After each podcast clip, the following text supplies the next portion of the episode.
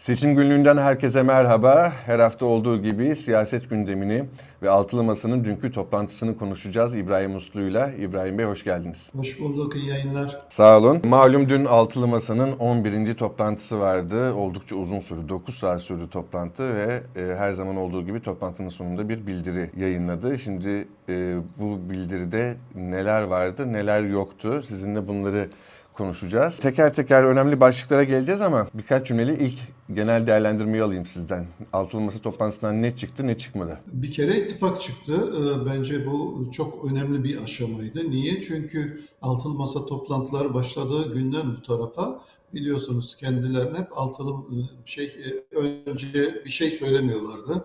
Ee, sonra sattı daha uzun tarihler yapıyorlardı. İşte hani böyle demokrasi, işte parlamenter sistemi kurmak için bir araya gelen biz partiler falan diye uzatıyorlardı. Sonra kamuoyunda popülerleşince bu altılı masa tabiri, altılı masayı kendileri için kullanmaya başladılar ve e, özel isim haline getirmişlerdi. Altılı masa ifadesini işte harflerle ve büyük harfle başlayacak biçimde altılı masa e, şeklinde kullanıyorlardı. Dün ilk kez altılı masa ifadesini de kullanmadılar ve Millet İttifakı e, ifadesini kullandılar. Bu AK Parti'nin ve Sayın Cumhurbaşkanı'nın yeter söz milletin sloganı biraz ilham verdi benim anladığım kadarıyla ya da uzlaşmalarını hızlandırdı. Ee, zaten bir Millet İttifakı vardı. O genişlemiş oldu. Ee, dolayısıyla e, artık altılı masa yerine e, şey Millet İttifakı diyebiliriz. E, metinde 3 ya da 4 yerde Millet İttifakı geçiyor. Dolayısıyla hani biz ittifak olduk, adımız Millet İttifakı oldu falan demediler. Zaten Millet İttifakı vardı. Zaten şey diğer partiler Millet İttifakı'nın işte uzun zaman süre bu 11. toplantı aslında çalışmalar başlayalı parlamenter sistem çalışmasını baz alacak olursak e, bir buçuk yıldır e, ortak bir çalışma yürütülüyor. Dolayısıyla hani bunu anonsa bile ihtiyaç duymadılar. E, zaten biz Millet İttifakı'ydık, Millet İttifakı'yız diyerek dün böyle bir sessiz devrim yaptılar benim gördüğüm. Metni birkaç kere okuyunca falan ancak fark edebiliyorsunuz. Çünkü hiçbir yerde biz ittifak kurmaya karar verdik ismimizi de daha önceki ismimiz olarak işte kullanacağız falan gibi bir karar yok görmüyoruz. Ama zaten metinde kendileri için altılı masa demediklerinden dolayı Millet İttifakı dedikleri için bir kere buradan ittifak çıktı. Bence bu önemli bir aşamaydı. Ee, yine e, şey o, ortak Cumhurbaşkanı adaylığı konusunda kararlılık ifadeler vardı, güçlü ifadeler vardı.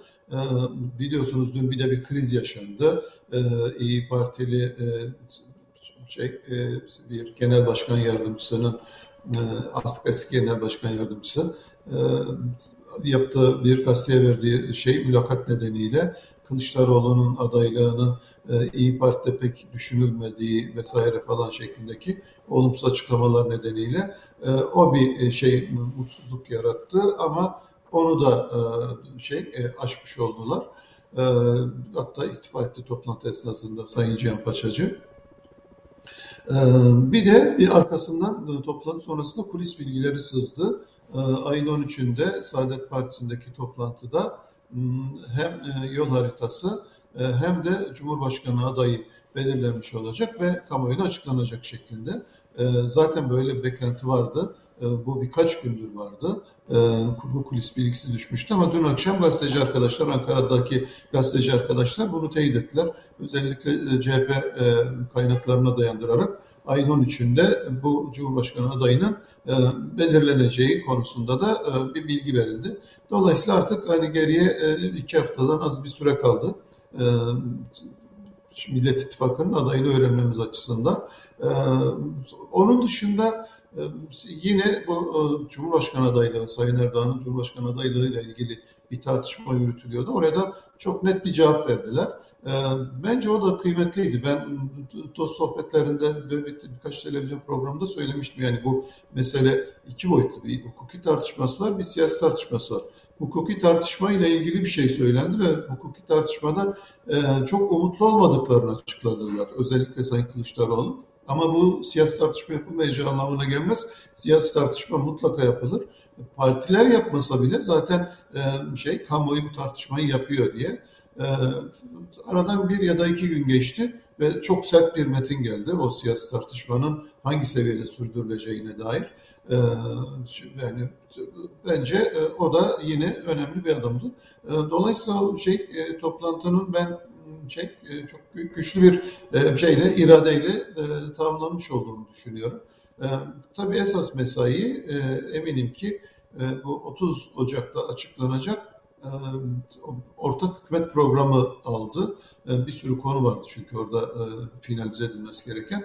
Onlar da yapıldı 30 Ocak'ta yani işte iki gün sonra pazartesi günü biz Millet İttifakı'nın ortak hükümet programını da öğrenmiş olacağız. Sizin de söylediğiniz bazı şeyleri detaylandıralım. Ee, adayın açıklanması konusunda e, en azından işte adayı konuştuk veya şu tarihte açıklanacak gibi daha somut bir şey e, olsa iyi olurdu diyenler var. Ben de buna katılıyorum ama şöyle ipuçları geldi. Sonra kulis bilgileriyle daha doğrusu ayrıntılandırıldı. E, bir kere geçiş süreci yol haritasında tam bir mutabakat e, sağlanamadığı anlaşılıyor ve bu aday belirleme sürecini de e, etkileyen bir gelişme.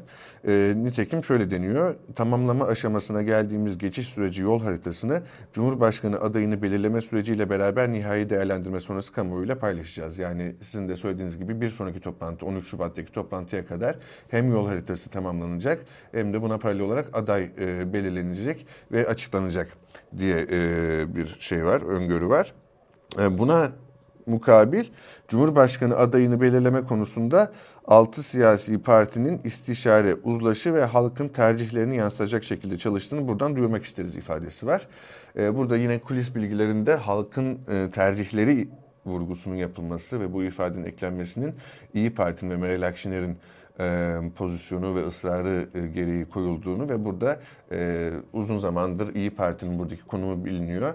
E, anketlere e, dayanarak işte Mansur Yavaş ve Ekrem İmamoğlu gibi isimlerin Cumhurbaşkanı adayı olması yönünde daha e, o pozisyona yakın olduğunu biliyoruz Akşener'in ve İyi Parti'nin. E, yine de yani aday belirleme sürecinde hem bu geçiş süreci yol haritası da e, Cumhurbaşkanı ve Cumhurbaşkanı yardımcılarının yetkisinin ve sorumluluklarının ne olacağının belirlenmesi, ona göre işte Kemal Kılıçdaroğlu'nun aday olup olmayacağına dair pozisyonların netleşmesi hem de bir taraftan da yine bu süreçte e, hala anket çalışmalarının e, devam edeceği ve bunun masaya getirileceği e, söyleniyor. Ne dersiniz? Doğru. E, yani ifadeler çok net. Burada işte birinci gördüğümüz husus biliyorsunuz Sayın Davutoğlu'nun yaptığı açıklamalar vardı bu yol haritasına dair ve bir tartışma yaratmıştı o. Hmm, o zaman da İYİ Parti bu metin, metin üzerinden uzlaşılmadığı için bizi bağlayan bir şey yok şeklinde hani o tartışmaya girmemişti. E, bu metnin işte bugün bitmesi, son halinin verilmesi ve pazartesi günü açıklanması bekleniyordu. Hatta bu ortak hükümet programını e, o yüzden aslında o şey Ocak ortasında açıklayacaklardı. Fakat e, ay sonuna attılar. Ama o çalışmada henüz bir mutabakat oluşmamış. Öyle anlaşılıyor. Dünkü tartışmalarda da netice anlamayınca o biraz daha şey ötelediler. Yani bir 15 gün daha ötelediler. Ee, şimdi ben herkes onu merak ediyor ama işte, tabii ciddi bir sorunsal var. Bir taraftan bir e, anayasal sistem var. Ya işte e, başkanlık sistemi ve e, dünyanın hiçbir yerinde olmayan yetkilerle donatılmış bir başkan seçiyoruz biz aslında. Ama öte yandan da daha katılımcı bir süreç yönetilmesi gerekiyor. Yani bu anayasayla o katılımcı süreç nasıl bir arada olacak? İşte o katılımcı süreci biraz şey güçlendirmeye çalıştığınızda bu sefer anayasal engeller önünüze çıkıyor. Ee, o yüzden belki ileride bu bir hukuki tartışmaya dönüşecek. Yani e, anayasa değişikliği gerekmezse bir de işte bazı yasal düzenlemelerle bu tür bir şey e, mekanizma oluşturulabilir mi? E, bu mevcut başkanlık sisteminin yetkilerinin en azından bir kısmı işte yasalar yoluyla düzenlenerek işte başka kurumlarla paylaşılabilir mi? E, falan şeklinde hukuki tartışmalarda önümüzdeki süreçte yaşanabilir. E, ya da seçimden sonraya kalır bu modeli açıklarlar. Gerekli yasal düzenlemeler yapılacaktır denir ve ondan sonra yasal düzenlemeler yapılır. Ama o şeyde bu anketler falan şimdi bu anketler tabii bir tartışma alanı. Anketler bizim kültürümüzde her zaman tartışılan bir şey olmuş. Ee, ve üzerinde uzlaşması da çok da kolay değil yani. Hangi şirket yapacak, hangi yöntemle yapacak, kaç şirkete yaptırırsanız işte farklı sonuçlar çıkabilir, o zaman ne olacak falan. Şimdi burada e, şeyde zaten kamuoyunda temayüz etmiş, ön plana çıkmış isimler belli aslında. Üç ismi konuşuyoruz.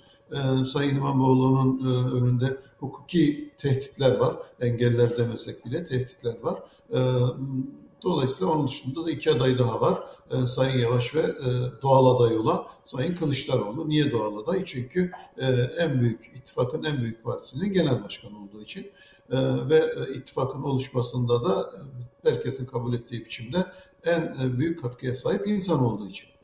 Dolayısıyla aslında şu an 2 artı 1 adayımız var. Niye 2 artı 1? Çünkü Sayın İmamoğlu ile ilgili hukuki tehditler var ve e, orada bir öngörülemezlik hali var.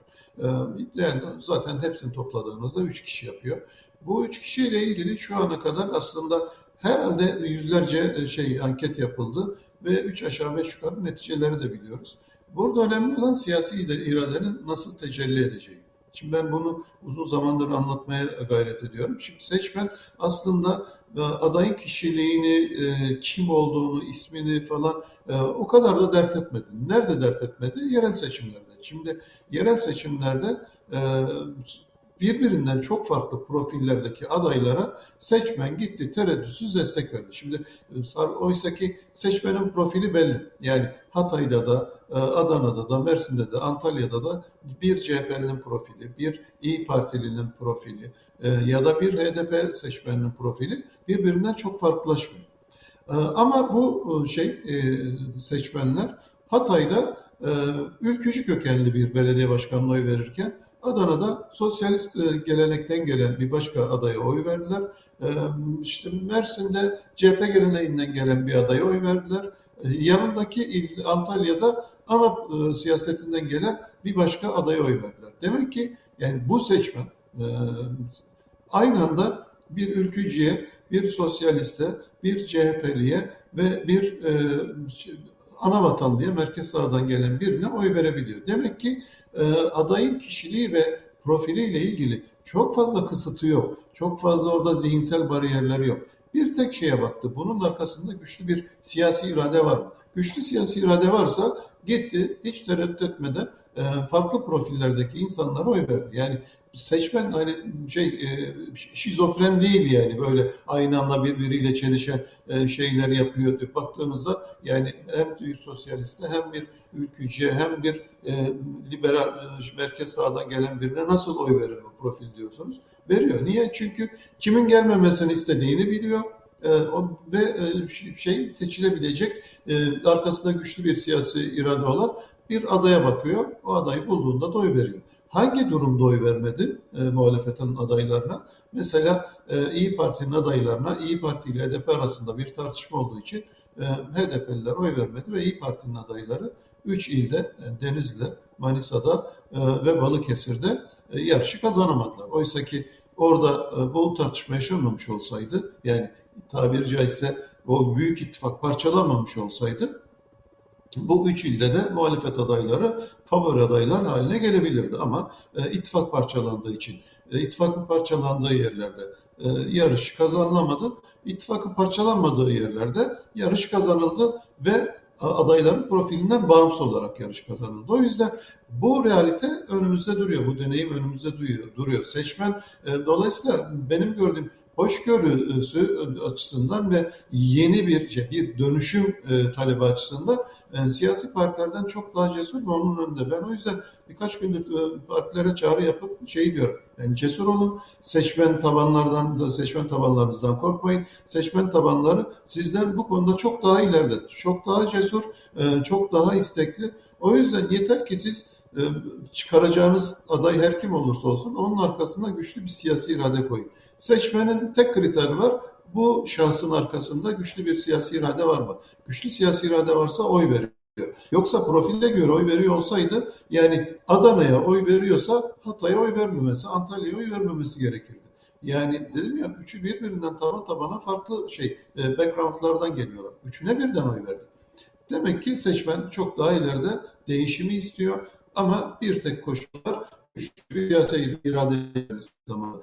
Partiler bu siyasi iradeyi koymaktan imtina etmezlerse, buna cesaret edebilirlerse seçmen çok daha cesur. O yüzden korkmayın diyorum. Cesur olun. Yeter ki siz o iradenizi koyun. Kimin üzerinde uzlaşırsanız o isim e, favori adaydır. Yeter ki uzlaşı olsun. Burada kritik e, kelime e, işte seçilecek aday kamuoyu bilmem ne falan filan değil. E, partilerin güçlü iradesi, partilerin güçlü uzlaşısı. E, Kerhen bir aday üzerinde uzlaşıldığında e, şey e, ya da bir adayı daha ismini belirlemeden yıpratacak tartışmalar yaşandığında bunların tamamı şey adaya zarar verecek, seçim sonuçlarına zarar verecek faktörler haline geliyor. Mesela biz yerel seçimlerde hiçbir ilin adayını tartışmadık hatırlarsanız. Daha doğrusu hatırlayamazsınız çünkü tartışılmadı. E, isimler belirlendi e, ve seçmen hiç tartışmasız şey gitti ve oyunu verdi. E, bir tek Sayın İmamoğlu'nun ismi açıklandığında ya acaba hani bu yanlış isim mi? Çünkü karşısında şey başbakanlık yapmış, parti genel başkanlığı yapmış bir isim var bunun ismini kimse bilmiyor. Hani genç bir insan falan diye. Ee, ama seçmen bu tartışmaları da dinlemedi. Yani e, biz araştırma yapmıştık. Sayın İmamoğlu'nun ismini duymuş olanlar. Bakın hani tanıyan, beğenen, başarılı bulandan falan bahsetmiyoruz. Sadece ismini duymuş olan yüzde on üçtü. Ee, Sayın Binali Yıldırım ise tabii herkes tanıyordu. Yani tanımayan kimse yoktu doğal olarak. Ama seçmen bunlarla hiç ilgilenmedi bile.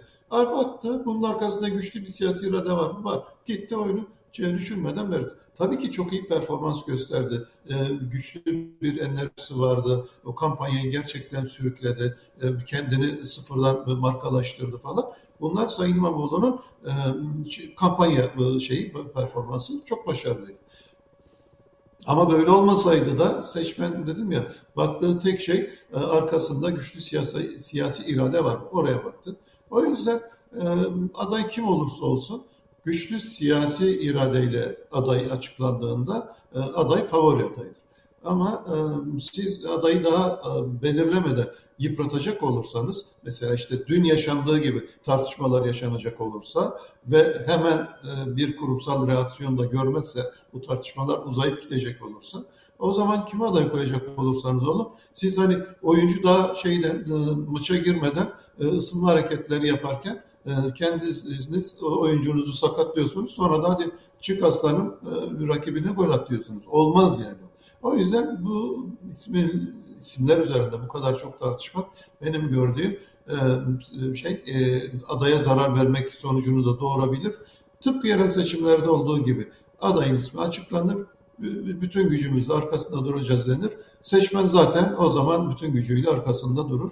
Ee, çünkü biz bunu gördük yani ben bu temennim, e, iyi niyetlerim, iyi dileklerim falan değil. Ben 2019'da yaşananı söylüyorum. Hiçbir ilin adayının ismini o olur mu acaba olsa böyle mi olur yoksa falanca mı olsun diye tartışmadık. Ha, aday toto oynamadık mı? Oynadık yani. O mu olur, bu mu olur? Tahminler yapmaya çalıştık programlarda. Ama e, yani o olursa seçilir mi yoksa bu olursa mı seçilir falan gibi tartışmalar. Onun şu handikapı var, bunun bu handikapı var tartışmaları hiç yaşanmadı. Orada partiler çok daha akılcı bir yol izlediler. Bu sefer de aynısını e, yapsınlar. Şu ana kadar tartışmalar ben çok zarar verdiğini düşünmüyorum ama bugünden sonra yapılacak bu tarz tartışmalar mesela dünkü gibi tartışmalar çok e, yıkıcı sonuçlar doğurabilir. O yüzden ondan uzak durmalarını ben tavsiye ederim. Peki son, son olarak birkaç cümleyle şeye bakalım. Ee, söyledik ama açalım biraz daha Cihan Paçacı olayını. Ee, sizin de dediğiniz gibi Habertürk'te e, Nagihan Alçı'ya verdiği bir mülakatta Kılıçdaroğlu'nun adaylığına sokakta itiraz olduğunu hatta e, Kılıçdaroğlu'nun adaylığında diretilirse İyi Parti'nin kendi adayını çıkarabileceğini söyledi Cihan Paçacı. Cihan Paçacı da alelade bir isim değil. İyi Parti'nin genel başkan yardımcısı ve kurumsal ilişkiler başkanı aynı zamanda Akşener'e çok yakın olduğu bilinen önemli bir kurmay. E, ve toplantıya e, bomba gibi düştü e, tahmin ettiğimiz ve kulis bilgilerine e, göre. E, Akşener diğer liderleri durumdan bilgilendirmiş. E, sonra Paçacı ile konuşmuş. Paçacı da istifasını sundu. Görevinden istifa etti partiden değil. Size sormak istediğim şu kısaca şunu yorumunuzu merak ediyorum. Siyasal mesaj ve siyasal iletişim açısından Akşener e, nasıl bir mesaj vermiş oldu liderlere ve kamuoyuna? Bence çok doğru bir hamleydi. Net olarak şunu söyledi. Bu iş benim işim. Benim işime kimse karışamaz. Bu tartışmayı yapacaksam ben yaparım. Ee, bu tartışmayı benim dışımda hiç kimsenin yürütmesine de hoşgörüyle bakmam dedi. Ve e, röportaj işte sabah yayınlandı doğal olarak. Gazeteler sabah çıkıyor. E, öğlenden sonra e, istifa etti. Şimdi bu bence iyi bir şey yani yerinde bir hamleydi. E, Sayın e, Akşener e, liderlik pozisyonunu sarsacak e, bir şey bir girişime izin vermedi ve bu hamlesiyle hani tırnak içerisinde tabirim mazur görsünler maşa da kullanmadığını şey herkese net biçimde gösterdi. Hani ben söylemiyorum kurmayların mesela eski siyasetçiler bunu yaparlardı. Rahmetli Demirel'in falan böyle e, bu taktiği çok kullanırdı. Kendisi e, biriyle kavga etmek istemezdi. Kim, e, kimseyle kavgalı görünmek istemezdi. Ama kavgadan sorumlu yakınları vardı ve onlar o kavgayı sürdürürlerdi. E, onlardan biri biriyle kavga ettiğinde, hakaret ettiğinde falan filan herkes bilirdi ki aslında bunu söyleyen baba yani şey ama baba onu söylememiş olurdu. Şimdi Sayın Akşener mesela bu, bu, bu, bu böyle bir algı oluşmasına da izin vermedi. E, bu açıklama geldiğinde e, bu bunu kendi yetki alanına müdahale gibi gördü ve hemen istifasını istedi ve e, görevinden uzaklaştırdı. E, doğru olanı yaptı. Çünkü e, dün o hamle gelmemiş olsaydı o toplantı yapılamazdı zaten. Neticede çıkmazdı. Niye? Çünkü düşün yani ben sizin ofisinize öğleyin geleceğim. Siz sabahtan şeyde e, bana sövüp sayıyorsunuz. Sonra da ben gelip sizinle oturup bir konuyu müzakere edeceğim ve sizin ofisinizde diyeceğim. Hani başka bir yerde de değil. Nasıl konuşacağız ki artık yani? Konuşacak bir şey kalmamış. Zaten siz benimle bu işin olmayacağını deklar etmişsiniz bütün dünyaya. Artık müzakere yapamayız yani. İlk önce sizin tamam ben vazgeçtim demeniz gerekiyor ki ondan sonra oturup konuşalım. Şimdi o yüzden ki dünkü röportaj gerçekten yıkıcı bir röportajdı. Yani e, ittifakın geleceğini belirleyecek hatta Türkiye'nin geleceğini belirleyecek bir şeye sahipti, güce sahipti. Ama Sayın Akşener bunu sönümlendirmeyi e, bildi ve o şey toplantının yapılabilmesini sağladı. Yani dün yoksa toplantı gerçekten yapılamazdı. E, çok yerinde bir hamleydi, iyi bir liderlik yaptı. E, bu tür müdahalelere de bundan sonra izin vermeyeceğini bence net bir biçimde e, en alttakinden en yukarıdakine kadar bütün partililere göstermiş oldu. Ee, daha önce Sayın Kılıçdaroğlu da CHP içerisinde bu tür açıklamalar geldiğinde e, bu konu e, genel başkanın yetkisinde bir konudur. Bu konuyu başka kimse konuşmasın diye e, partiye bir şey talimname yayınlamıştı hatırlarsanız. Bunu kurum içi şeyli kaynaklarla yapabilirdi. Hayır öyle değil. Parti sözcüsü bizzat bunu bütün topluma da açıkladı ki bütün muhataplar duysunlar diye. Ee, diğer partilerde zaten bu konuda bir şey e, sıkıntı çıkmadı şimdiye kadar. Masa dolayısıyla benim gördüğüm dün bir kez daha masa liderleri e, veya ittifak liderleri artık e, şeyi kontrolü yüzde yüz kendilerinde tuttular. Bu kararlılıkla devam ederlerse ve dediğim gibi aday isimlerini kamuoyunda yıpratmaksızın birini açıklayıp arkasında da sonuna kadar duracaklarını açıklarlarsa favori aday o adaydır. Tıpkı bildirilerde yer aldığı gibi 13. Cumhurbaşkanı bizim belirleyeceğimiz isim olacak e, şeklinde güçlü bir iddialar vardı. E, en azından favori aday olacağını söyleyebiliriz. E, ama bugünden sonra bu tartışmalar sürer, e, potansiyel adaylar e, her biri didik didik edilip e, şey hırpalanırlarsa e, bu iyi, neticeler doğurmaz. O yüzden 2019'da e, zaten yapmış oldukları şeyi tutumu, e, siyasal tavrı bir daha göstermelerinin ben yerinde ve en doğru tavır olacağını düşünüyorum. Peki burada noktayı koyalım isterseniz. Önümüzdeki hafta pazartesi günü açıklanacak ortak e, programlar, mutabakat e, metnine ve diğer gelişmeleri sizinle konuşmaya devam edeceğiz. Hükümet Çok teşekkürler. programı açıklanacak. Mutabakat metni biraz daha bekleyeceğiz.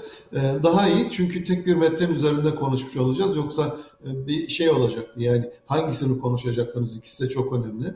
Biz şimdi önümüzdeki hafta boyunca pazartesiden itibaren daha doğrusu e, Millet İttifakı'nın seçim vaatlerini konuşacağız. Çözüm önerilerini konuşacağız. Ee, ve yeterince vaktimiz olacak onları didik didik etmek için. Çünkü e, bir sonraki açıklama 13'ünden sonraki bir tarihte olacak. Ben orada e, hani Cumhurbaşkanı adayının ve o metnin böyle yani basın bildirisiyle e, servis edileceğini düşünmüyorum. Muhtemelen ayın 13'ünde işte ayın 16'sında şu salonda toplanacağız ve büyük bir coşkuyla hem adayımızı hem de yol haritamızı açıklayacağız falan şeklinde yani mutabık kaldık. Bitti bu iş. E, artık bir etkinlikle, görkemli bir etkinlikle duyuracağız şeklinde bir anons yapılacağını tahmin ediyorum. Birlikte göreceğiz. Evet, Ee, önümüzdeki günlerde belli olacak azından- program. Evet seçim beyannamesini e, uzun uzun tartışacak vaktimiz olacak her durumda. Evet, haftaya bunları konuşacağız. Çok teşekkürler İbrahim Uslu değerlendirmeleriniz için. Hoşçakalın. İbrahim Uslu ile dünkü altılı masa toplantısını, toplantıdan neler çıktığını ve neler çıkmadığını konuştuk. Bizi izlediğiniz için teşekkür ederiz.